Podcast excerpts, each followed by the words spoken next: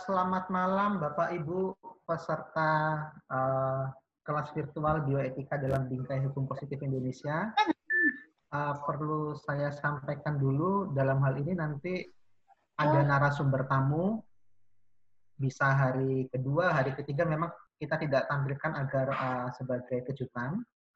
Kemudian uh, di pertama ini akan dibawakan oleh uh, Ibu Yovita Arimangesti Bapak Selamat Soehartono dan Pak Gregorius Yoga Panji Asmara dengan tema uh, nilai hidup manusia dalam hukum positif Indonesia.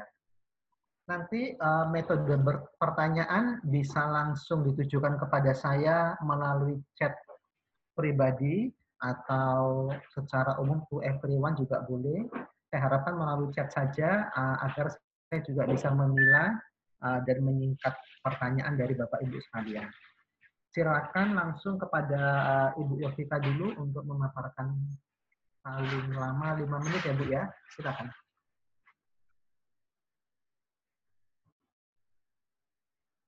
Ya, selamat malam, salam sehat. Selamat malam, Bu.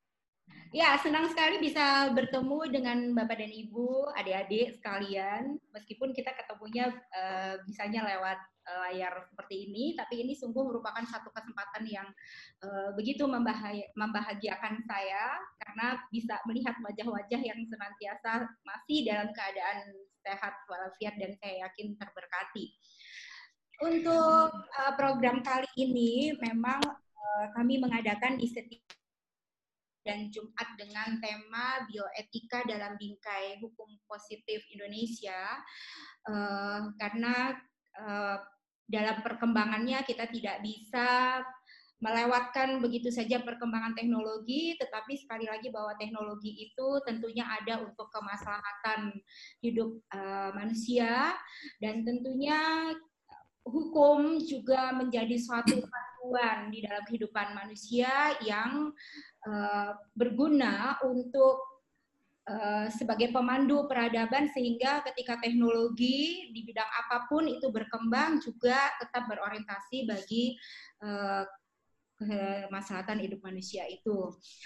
Sebenarnya kami sedang menulis buku, kami bertiga, Bapak Selamat Suartono, saya dan Eh, Mas Gregorius Yoga terkait dengan mencoba membingkai nilai-nilai yang ada di dalam bioetika ini ke dalam bingkai hukum positif karena uh, bagaimanapun hukum itu tumbuh berkembang dan akan juga mungkin tergantikan itu juga terkait erat dengan persoalan-persoalan bioetika.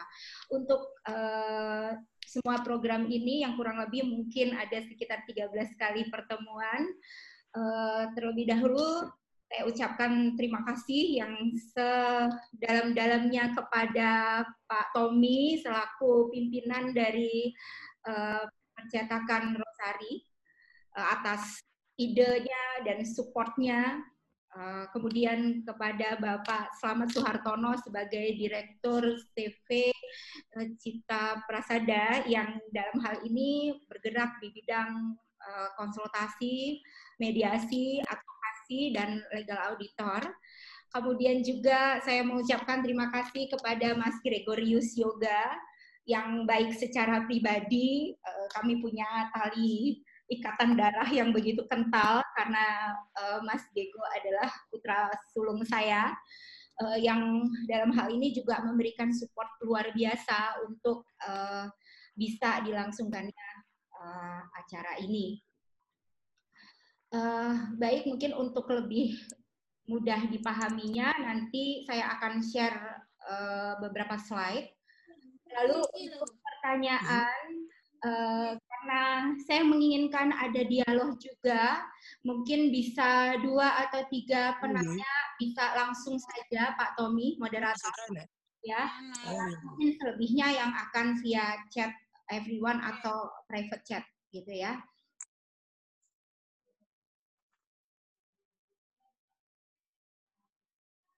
Iya.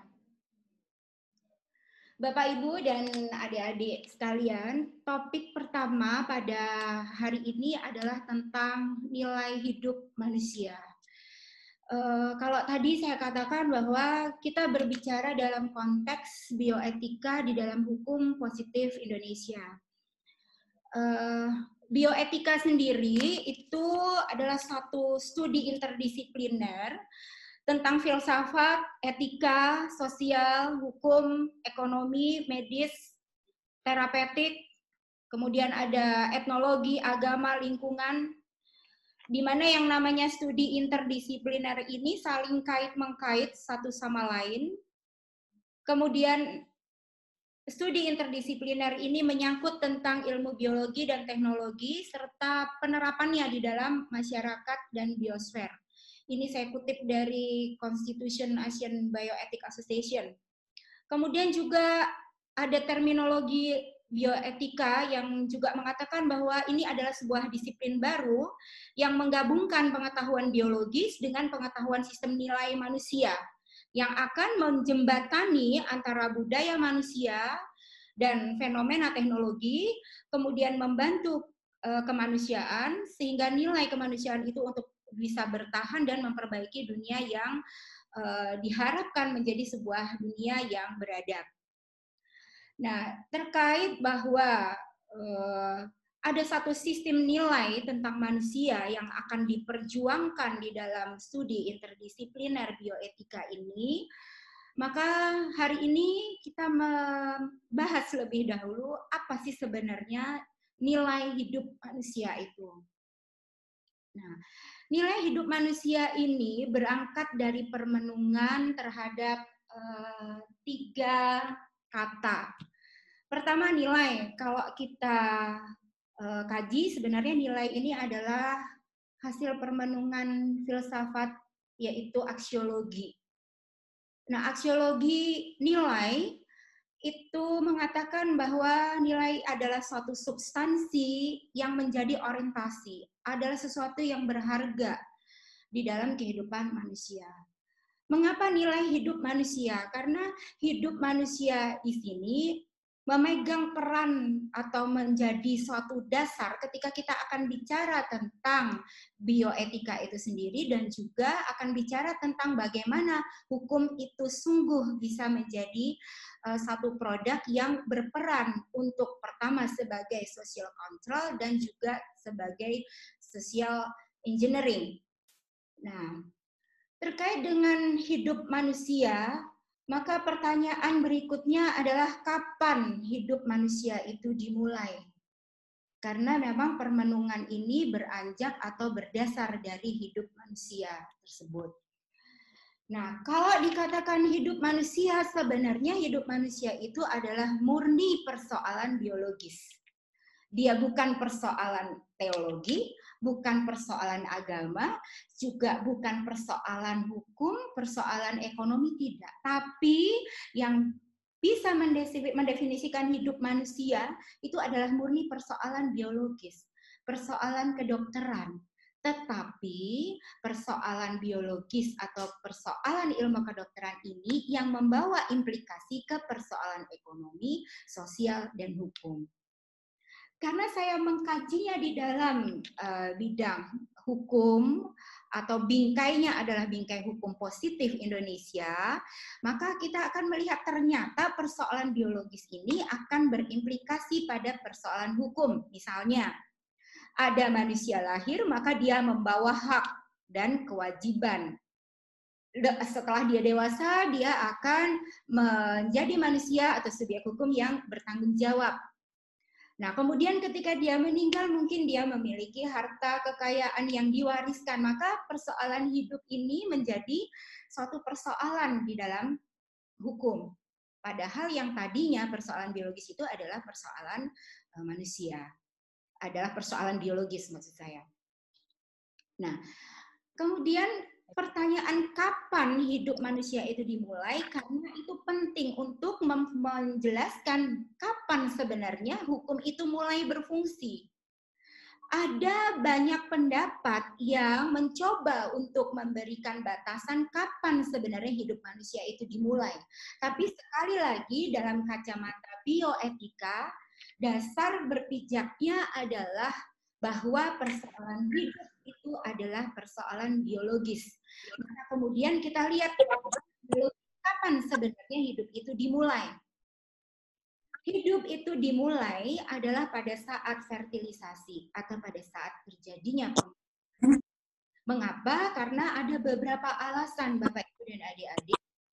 Genom manusia itu ditentukan pada saat fertilisasi terjadi ada atas adanya persatuan gen antara gen bapak dan gen ibu. Genom merupakan satu identitas biologis yang dibawa sepanjang hayat. Kemudian, ketika kita bicara soal genom itu, jika genomnya XX maka dia akan menjadi perempuan, XY akan menjadi laki-laki. Dan sejak saat fertilisasi ini, maka akan terjadilah sebuah persona. Ketika kita bicara soal persona,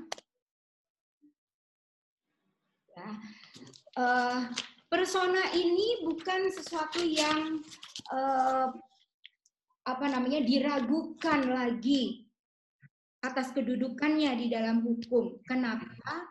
Karena fertilisasi sendiri bukanlah suatu peristiwa yang terisolasi. Fertilisasi itu akan terus bersambung menjadi sebuah peristiwa hidup. Jika tidak ada proses fertilisasi pada hari pertama, maka tidak akan pernah ada proses hidup untuk selanjutnya. Maka kalau ada yang mengatakan bahwa hidup itu dimulai sejak uh, usia 14 hari usia 21 hari kah atau usia 120 hari kah? Maka dalam hal ini, menurut pandangan kami dari sudut biologi, e, menyebutkan atau melihat bahwa sesungguhnya hidup itu sudah dimulai sejak fertilisasi tersebut.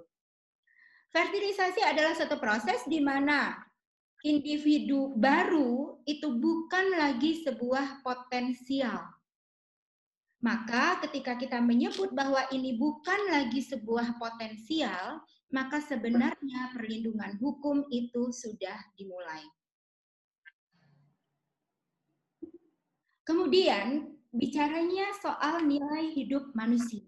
Manusia bernilai intrinsik di mana kita lihat rumusan bahwa manusia itu bernilai intrinsik di dalam uh, Universal Declaration on Human Rights di situ dikatakan bahwa pengakuan martabat manusia yang intrinsik dan kesamaan hak adalah suatu hal yang tidak dapat tergantikan dan ini merupakan suatu dasar kebebasan, keadilan dan perdamaian di dunia ini. Nilai intrinsik manusia itu adalah nilai yang berasal dari dalam diri manusia. Nilai ini diberikan secara given kepada manusia karena pada hakikatnya adalah manusia itu untuk dirinya sendiri. Sedangkan kemudian ketika kita bicara soal nilai intrinsik, maka nilai intrinsik ini tidak dapat dirampas oleh apa pun Nilai intrinsik ini adalah nilai atas hakikat atau ontologi manusia itu sendiri. Nah, karena ada nilai intrinsik, maka muncullah nilai ekstrinsik. Nilai ekstrinsik itu adalah nilai yang berasal dari luar diri manusia karena faktanya apa? Faktanya manusia tidak bisa hidup sendiri. Dia ada dan hidup bersama dengan sesamanya. Nilai ini, nilai intrinsik ini dapat tergantikan di dalam konstruksi sosial. Jadi katakanlah misalnya, nilai intrinsiknya adalah manusia itu ada. Tetapi karena dia masih anak-anak, dia belum bisa banyak berbuat. Maka kemudian secara ekstrinsik dia dilindungi oleh orang tuanya. Atau kemudian katakan misalnya seperti ini, si A ada memiliki nilai intrinsik karena dia adalah manusia. A menikahi B. Statusnya A adalah istri. Lalu kemudian terjadi divorce. Nah, pada di saat divorce, nilai intrinsiknya tetap dia adalah seorang manusia, tetapi nilai ekstrinsiknya dia adalah perempuan single yang divorce. Itu misalnya seperti itu. Seorang yang difabel, yang tidak bisa melakukan apa-apa yang kemudian dia berada di bawah pengampuan, secara intrinsik dia tetap manusia yang dilindungi secara hukum. Tetapi secara dia diberikan hak-hak yang mungkin berbeda dengan uh, yang normal. Seperti itu. Jadi artinya nilai intrinsik itu berasal dari dalam diri manusia dan menjadikan manusia yang satu dengan manusia yang lain itu sama martabatnya. Sedangkan nilai ekstrinsik adalah nilai yang dibangun atas konstruksi sosial. Nilai ekstrinsik bisa berubah tetapi nilai intrinsik tidak bisa berubah. Kapan mulainya nilai intrinsik? Nilai intrinsik dimulai sejak jadinya fertilisasi Kenapa? Karena melalui fertilisasi itu manusia sudah dianggap ada atau sudah terjadi sebuah persona. Lalu kapan berakhirnya? Kalau tadi ada awal hidup manusia, tentu ada awal ada akhir hidup manusia. Nah, apa yang menjadi kriteria dari akhir hidup manusia atau apa yang menjadi kriteria dari kematian? Kematian adalah suatu fenomena kesatuan ya yang bisa ditunjukkan secara akurat baik dengan dasar tradisional yakni dengan melihat ada terhentinya secara permanen atau tidak bisanya dipulihkan lagi fungsi jantung dan paru-paru atau atas dasar hilangnya secara permanen tak bisa dipulihkan lagi fungsi otak secara keseluruhan. Nah, ini yang dikatakan sebagai kriteria kematian. Nah, lalu bagaimana nilai uh, hidup manusia ini uh, dapat dilindungi oleh hukum? Mungkin nanti bisa diperjelas lagi dengan apa yang akan diuraikan oleh uh, Bapak Slamet Soehartono gitu ya.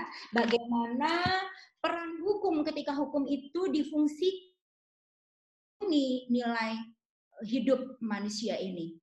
Pemahaman mengenai nilai hidup manusia ini akan terus dibawa pada kajian-kajian bioetika selanjutnya. Kenapa? Karena ketika kita bicara soal aborsi, soal embryonic stem cell, soal transplantasi, itu merupakan bagian-bagian dari fenomena manusia secara biologis yang mana ini harus dibingkai atau dilindungi oleh hukum sedemikian rupa sehingga keberadaan manusia sebagai pembuat hukum, pelaku hukum, pelaksana hukum dan pengawal hukum untuk sebuah peradaban itu bisa tercapai.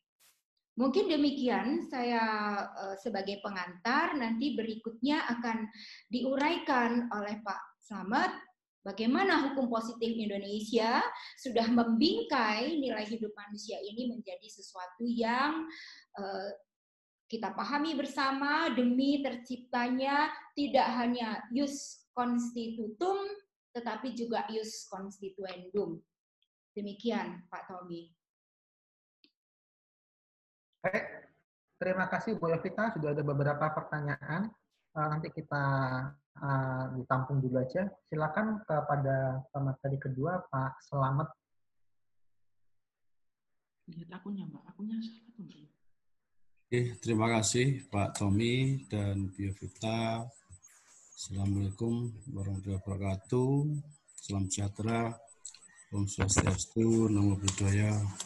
Selamat malam semua.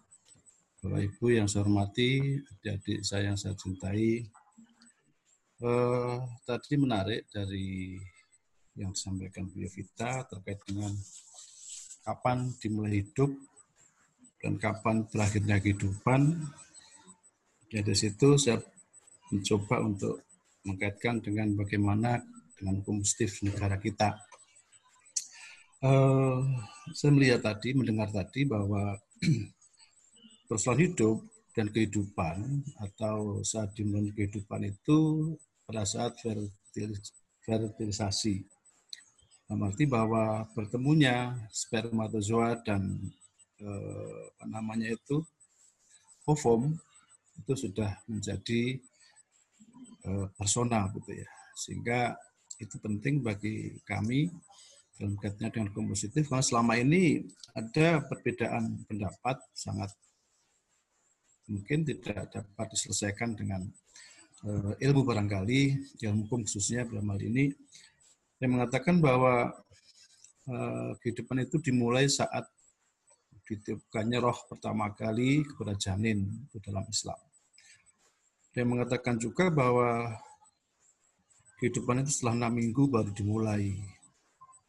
Ada yang mengatakan bahwa hidup itu dimulai dari uh, spermatozoa dan ovum bertemu dalam keadaan itu, maka saat itu sudah dimulai kehidupan sehingga hukum akan bekerja pada saat terjadi pembuahan atau fertilisasi. Itu barangkali penjelasan saya.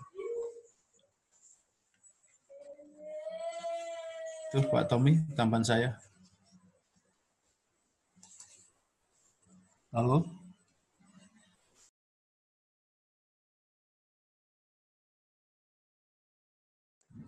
Ya itu tambahan saya Pak Tommy. Pertanyaan, perta terima kasih Pak Selamat. Tadi saya me ada yang masuk ke saya chat dari Ibu Aurel nanti pertanyaan tersebut akan dijawab dalam uh, subtema tersendiri yaitu kebiri. Kemudian uh, ini tadi kepada Bu Yovita ada sanggahan dari Pak Kairul. Uh, sebetulnya di mana entitas religinya dalam memandang persoalan uh, manusia itu sendiri. Karena tadi yang disampaikan Bu Yovita lebih mengarah kepada unsur kesehatan dan biologi. Silakan Bu bisa disampaikan singkat saja agar kita masuk ke uh, pertanyaan selanjutnya. Terima kasih. Terima kasih Pak Khairul. Sekali lagi saya katakan saya tidak menafikan ajaran-ajaran teologi atau ajaran religi, tidak. Tetapi kita harus mengambil posisi bahwa dengan kita memahami bahwa hidup manusia itu dimulai sejak fertilisasi, maka kita akan melindungi hidup manusia itu dengan entitas sekecil apa pun sehingga tidak terjadi uh, apa aspek uh, penghilangan uh, manusia dari sejak detik tercapainya uh, fertilisasi tersebut. Jadi kalau kita mau mengatakan lebih jauh, boleh tidak dilakukannya uh, manipulasi embrio? Oh, berarti kan manipulasi terhadap embrio itu terjadi sudah sudah sudah berarti bahwa itu sebuah persona. Maka hukum harus melindungi untuk tidak terjadinya musnahnya embrio sejak dari awal kehidupan. Seperti ketika kita ber, ber apa uh, harus bersikap terhadap aborsi.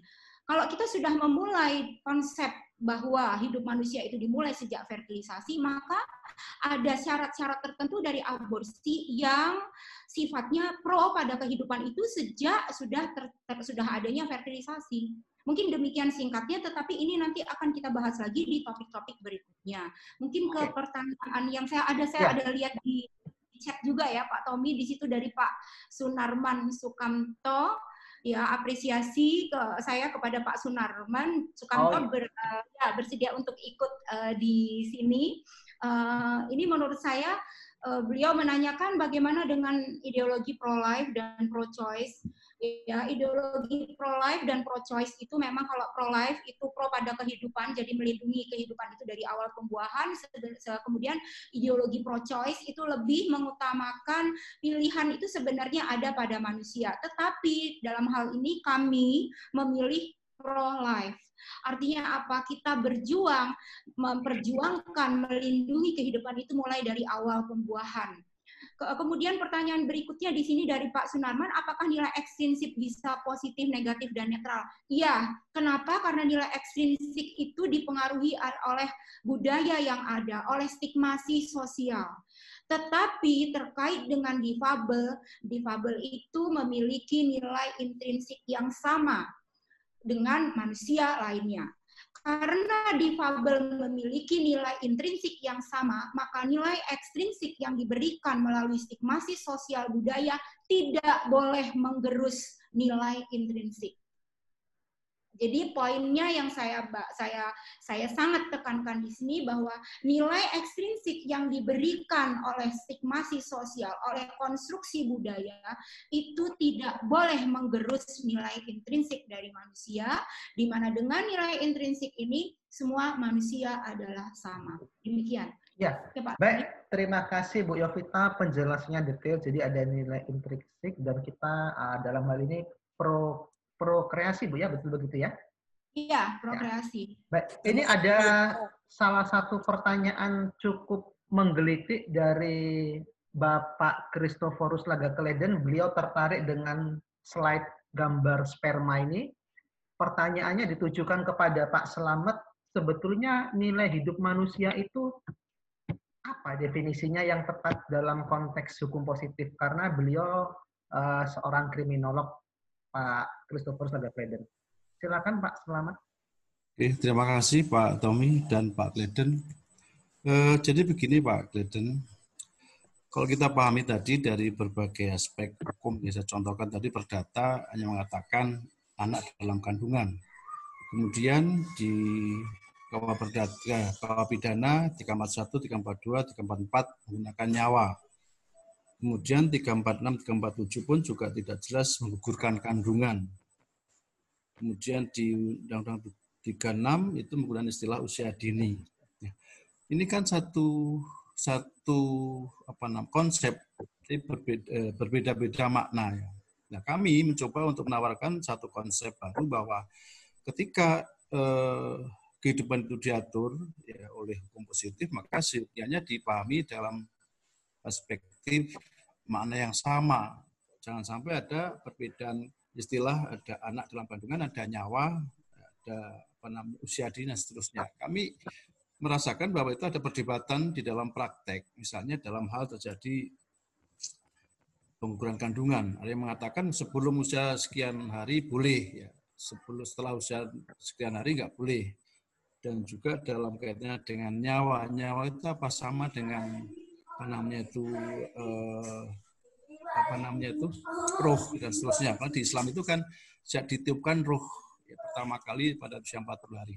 Nah, kami mencoba agar seperti terjadi apa, perbedaan persepsi terkait dengan istilah yang berbeda-beda tadi dengan konsep baru bahwa Bu kita katakan tadi bahwa sejak terjadi fertilisasi maka kami beranggapan masih saat itu nol hari ya karena masih mungkin dalam satu detik pun sudah terjadi fertilisasi dan dianggap sebagai ada kehidupan di situ. Maka menurut kami ketika merancang buat buku itu bahwa kita sepakati eh, hidup itu dimulai sejak fertilisasi sehingga tidak mempersoalkan berapa minggu, berapa hari ya toh eh, apa namanya kandungan digugurkan, berapa eh, berapa eh, minggu nyawa itu tidak persoalan bagi kami kehidupan itu dimulai sejak awal yaitu pada saat fertilisasi. Sehingga nanti ada keseragaman di dalam perumusan hukum positif. Jangan sampai menjadi samar dan e, menimbulkan berbagai penafsiran. Karena perdebatan hukum positif itu adalah perdebatan masalah konsep yang berbeda-beda. Sehingga ketika hakim jaksa pengacara itu di sidang pengadilan didebatkan adalah masalah konsep e, konsep hukum. Termasuk mungkin di sini konsep kehidupan itu. Sehingga kami sepakat ya untuk mengatakan bahwa saat dimulainya hidup itu adalah saat terjadi fertilisasi. Sehingga saat, saat itu maka hukum sudah mulai bekerja untuk melindungi si siapa uh, ovum tadi. Itu menurut saya Pak Kris, Pak Tommy, ya. terima kasih. Baik, terima Kita kasih. Kita nambahin. Pak Selamat. Uh, ini Pak Selamat uh, menyambung ada yang bertanya lagi. Hmm. Kalau kita berbicara aborsi, maka hmm. itu masuk ranah pidana, sementara kan aborsi itu juga dilakukan karena tindakan dokter agar tidak membahayakan nyawa ibu. Bagaimana hmm. menyikapinya, Pak? Uh, memang ada yang dinamakan uh, apa namanya itu abortus ya, yang dilarang dan juga sementara ada yang dalam apa namanya itu Permenkes ada pengecualian ya, yang boleh dilakukan misalnya uh, penyakit yang mengancam nyawa ibu ya atau janin ya kemudian juga cacat bawaan, dan kemudian juga hamil yang tidak dikehendaki akibat perkosaan. Meskipun ini sampai sekarang masih perdebatan. Ada yang mengatakan bahwa eh, pembulian eh, korban perkosaan dan bukan dianggap sebagai bentuk legalitas atau pelegalan terhadap abortus provokatus tadi.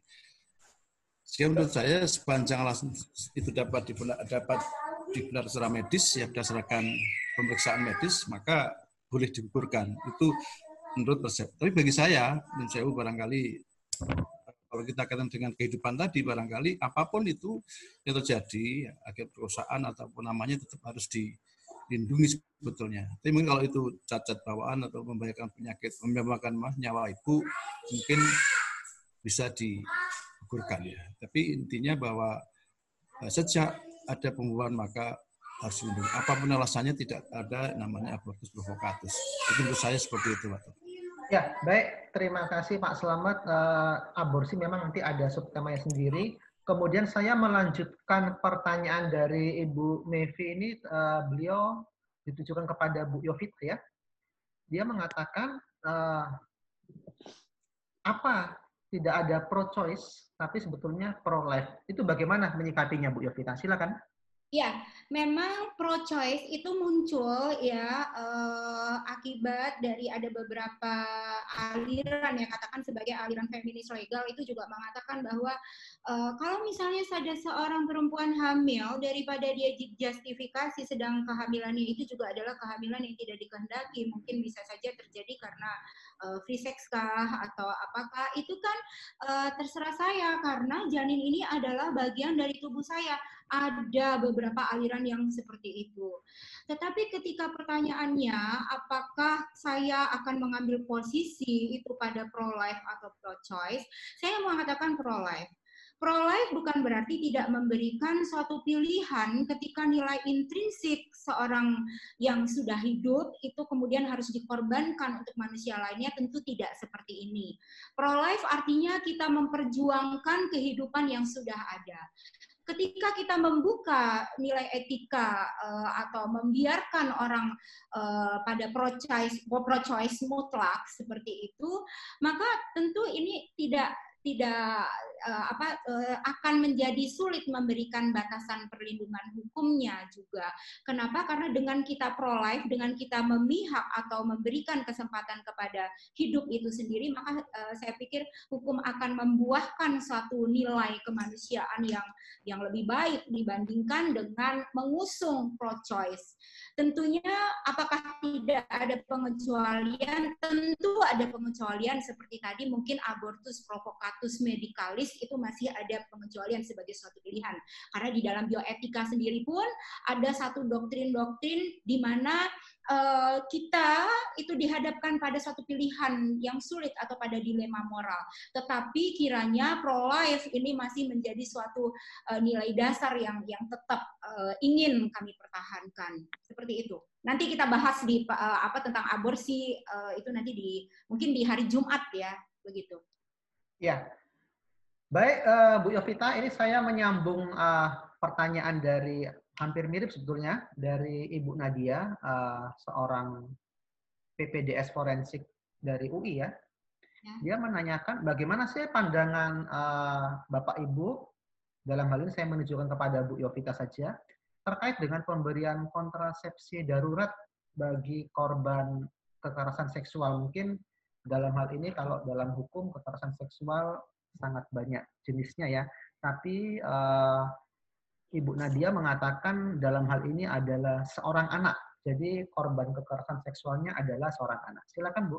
Ya, oke. Okay. Memang uh, ketika ini menjadi satu persoalan pidana, di situ jelas bahwa di dalam hukum positif itu kalau akibat dari adanya kekerasan seksualkah atau adanya perkosaan atau juga uh, terhadap terutama terhadap anak-anak umur uh, dalam hukum unsurnya dan itu menurut saya bisa dikategorikan sebagai suatu pengecualian. Pengecualian dalam arti memang eh, pada kasus eh, tertentu itu dapat dilakukan eh, apa pemberian kontrasepsi lalu eh, katakan terminasi terhadap eh, janin juga seperti itu di dalam di dalam hal karena itu hal yang khusus seperti itu. Tetapi ketika memang kita me, me, apa namanya e, mengatakan bahwa ini satu apa hasil atau produk kejahatan tentu ada ada syarat-syarat yang juga harus dipenuhi uh, sehingga memang sungguh-sungguh ini dibuktikan berdasarkan uh, alat bukti yang ada yang mendukung tercapainya unsur-unsur telah terjadi kejahatan uh, itu bisa. Begitu. Karena bagaimanapun kita harus juga melindungi atau hukum positif itu juga harus melindungi uh, harga dan martabat si ibu yang mungkin di dalam contoh tadi uh, oleh maaf dokter siapa tadi saya ya uh, itu adalah uh, korbannya adalah anak-anak uh, uh, apa di bawah di bawah usia dewasa ya. Nah tentu ini juga dibingkai di dalam hukum positif juga dilindungi uh, hak-haknya seperti itu. Baik, terima kasih Bu Yovita. Uh, kepada Pak Slamet Suartono, ini ada yang masuk ke saya menanyakan sebetulnya uh, menurut Pak Slamet manusia itu apa? Apakah kalau saat ini kan manusia ada juga yang berupa robot dalam hal ini kecerdasan buatan. Apakah itu juga dapat dikategorikan sebagai manusia karena kecerdasan buatan pun bisa di atas manusia itu sendiri. Silakan pada Pak Selamat. Oke, terima kasih Mas Tommy.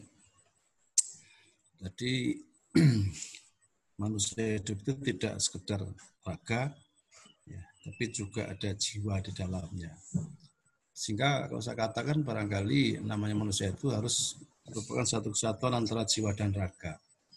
Nah, ketika kita bicara mungkin ya robot atau mungkin juga manusia cloning barangkali pertanyaannya adalah apakah situ ada jiwa di dalam manusia cloning atau robot itu. Karena yang saya pahami bahwa e, fisik Iya, raga ada.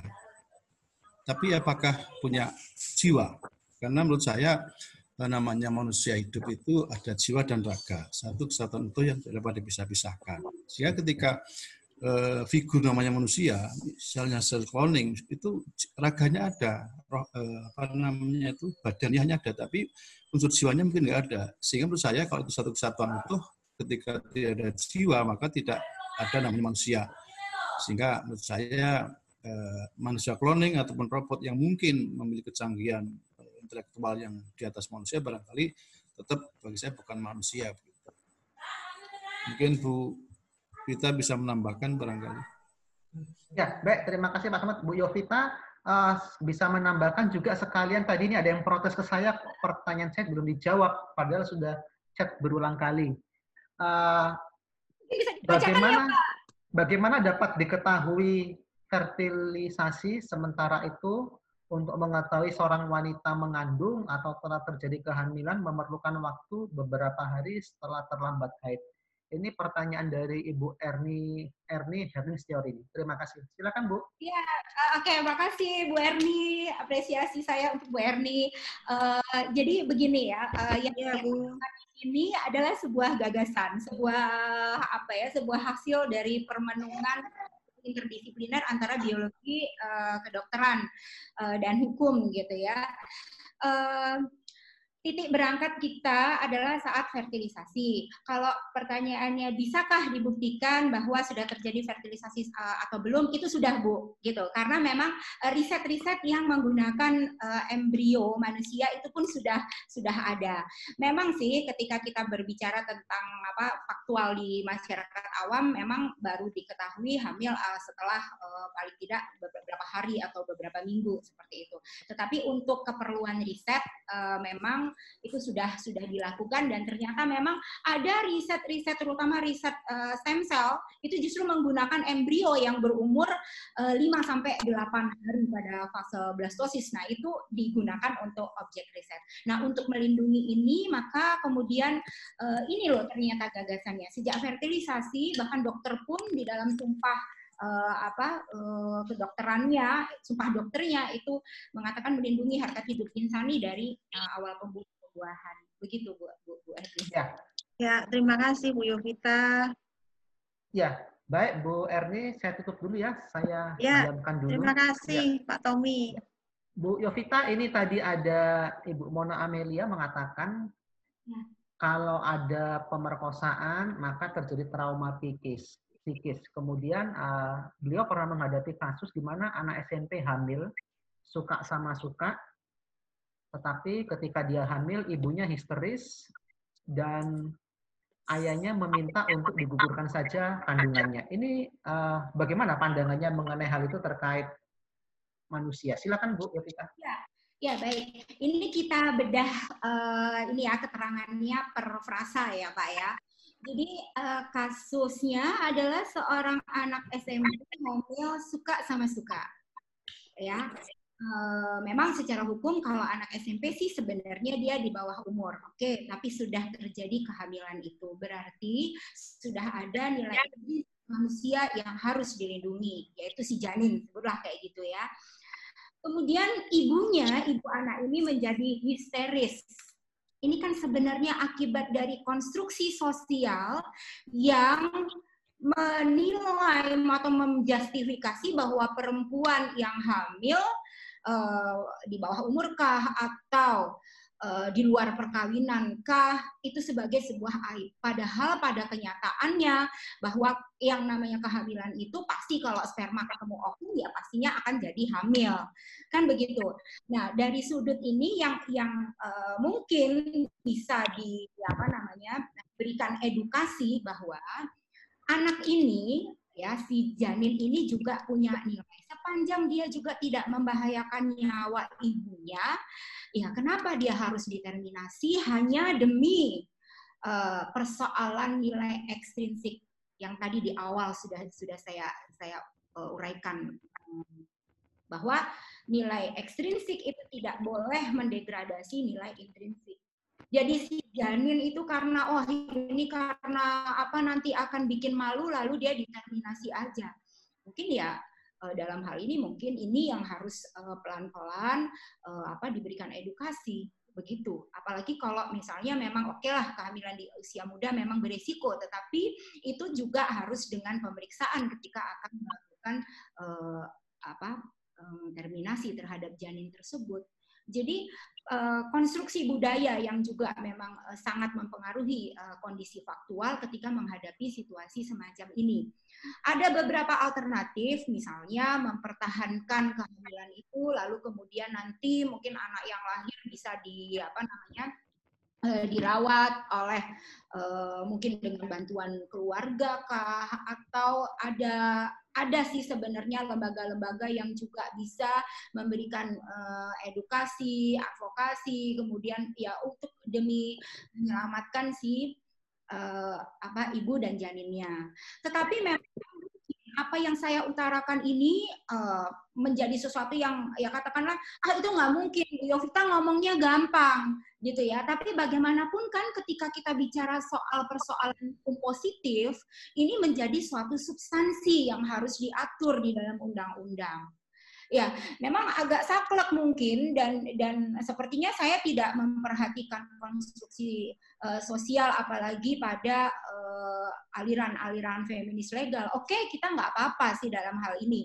Uh, apa itu merupakan satu dis diskursus terhadap gagasan saya, tapi artinya memang uh, saya ingin mengangkat suatu penyadaran bahwa bukan berarti uh, manusia yang kecil, yang lemah, yang vulnerable, lalu kemudian dengan alasan untuk sesuatu yang lebih kuat, hukum harus uh, berpihak pada sesuatu yang lebih kuat tidak. Yang kalau hukum yang bernilai kemanusiaan justru dia akan memberikan porsi lebih pada vulnerable person atau pada kaum rentan, termasuk anak uh, ibu yang masih anak-anak dan uh, kehidupan janinnya tadi yang sudah menjadi sebuah persona. Demikian, Pak. Ya, jadi suka sama suka juga tergantung dari usianya Bu ya, betul begitu Bu ya? Ya. Ya, Uh, dari jadi, sisi hukumnya ya. Artinya memang ibu yang histeris apa segala macam itu ya itu produk sosial jadi biarlah itu diselesaikan dengan pendekatan sosial. Tetapi yang jelas hukum memberikan karena kan fungsi hukum ini sebenarnya sebagai panduan publik gitu ya. Uh, hukum itu sebuah suatu uh, tata nilai yang yang uh, apa namanya ya ketika itu baik juga memang dia akan terpelihara terus ketika mungkin nanti ada uh, apa per, pertimbangan yang lainnya juga dia juga akan berubah. Tapi setidaknya saya berharap bahwa gagasan ini juga memberikan satu penyadaran bahwa ini loh jangan jangan begitu mudah untuk menghilangkan nyawa. Meskipun secara ekstrinsik dia belum memiliki arti yang konkret uh, di dalam kehidupan bermasyarakat. Demikian. Ya, silakan ada masih kita masih punya waktu 10 menit lagi uh, bagi Bapak Ibu yang mau mengajukan pertanyaan bisa langsung chat ke saya atau langsung ke forum. Uh, ini Ibu tadi ada yang chat saya mengatakan apakah terkait kasus uh, anak SMP hamil tersebut bagaimana jika terjadi pada pria misalnya apakah ini masih masih ada stigma dalam masyarakat bahwa perempuan masih di bawah pria atau bagaimana kira-kira tanggapannya Bu? Uh, kita memang tidak mudah untuk me, apa ya untuk mengubah konstruksi sosial budaya yang memang uh, pada budaya paternalistik memang seolah-olah ya seolah-olah sih kesannya sepertinya pria itu uh, lebih uh, lebih daripada uh, wanita. Tetapi yang saya ketengahkan di sini adalah persoalan nilai ya. Hukum itu mencapai sebuah nilai. Hukum itu adalah sarana untuk mencapai nilai kemanusiaan, nilai keadilan, nilai kepastian, kan begitu ya. Ketika kita bicara di tataran nilai, suka dan tidak suka, yang kita angkat itu adalah nilai kemanusiaan. Nah, bagaimana nilai kemanusiaan ini mau dimasukkan ke dalam uh, apa hukum positif. Nah ini persoalannya gitu. Jadi uh, dalam hal ini kalau budayanya apakah itu akan juga diberikan stigmasi kepada si laki-laki dan kepada perempuan? Saya pikir dengan hukum yang berpihak pada nilai kemanusiaan, nah lambat laun juga eh, akan terkondisi karena fungsi hukum itu selain sebagai social control tapi dia juga sebagai social engineering, sebagai satu panduan untuk membawa manusia atau masyarakat ini pada suatu kehidupan yang berorientasi pada nilai yang lebih baik. Ya, seperti itu, Pak. Oh ya, baik. Jadi tetap ada uh, panduannya. Ini juga, oh ada satu lagi nih Bu sebagai penutup. Ya. Ada uh, dari peserta bahwa tidak setuju. Oh ini kepada Pak Selamat, ditujukan kepada Pak Selamat, mohon maaf uh, beliau mengatakan kurang setuju dengan pandangan hukum saat ini seperti yang disampaikan bahwa janin yang cacat bawaan boleh digugurkan. Kira-kira uh, bagaimana Pak Selamat menyikapinya? Hmm, gini Pak Tommy, mungkin ya. bagi saya yang justru yang paling penting itu adalah tadi perkosaan tadi ya. Uh, kalau perkosaan itu bagi saya sepanjang itu tidak ada alasan medis yang kuat mengukurkan kandungan, tidak boleh digugurkan ya. Karena bagi saya si anak itu tidak tahu apa-apa. Yang salah kan orang tuanya.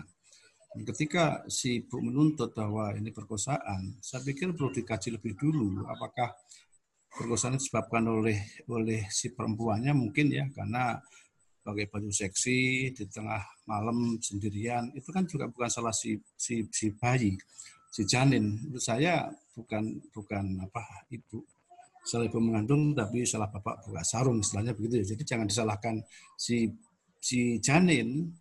Maka saya katakan tadi harus dilindungi itu apa pun alasannya tidak boleh di, digugurkan meskipun ada yang ada apa uh, perpres ya atau PP yang memperbolehkan uh, apa namanya itu pengukuran terhadap perusahaan.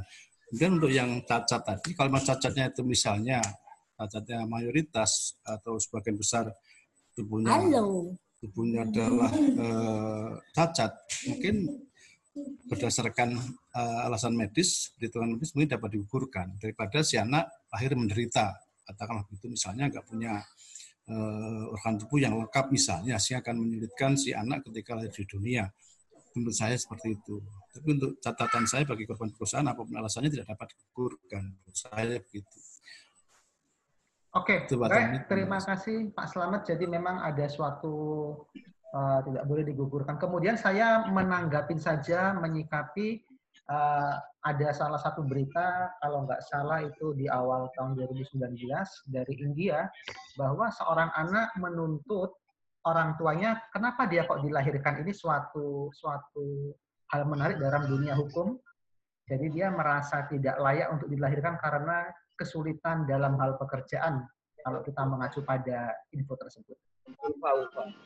Kemudian uh, ada salah satu pertanyaan nanti ini bisa dijawab dalam tema subtema berikutnya karena terkait dengan uh, bioetika terhadap anak yang sudah meninggal atau terselamatkan. Nanti pertanyaan yang belum dijawab atau mungkin masuk ke subtema akan kami catat sehingga kami bisa langsung membawakan pada saat pertemuan berikutnya.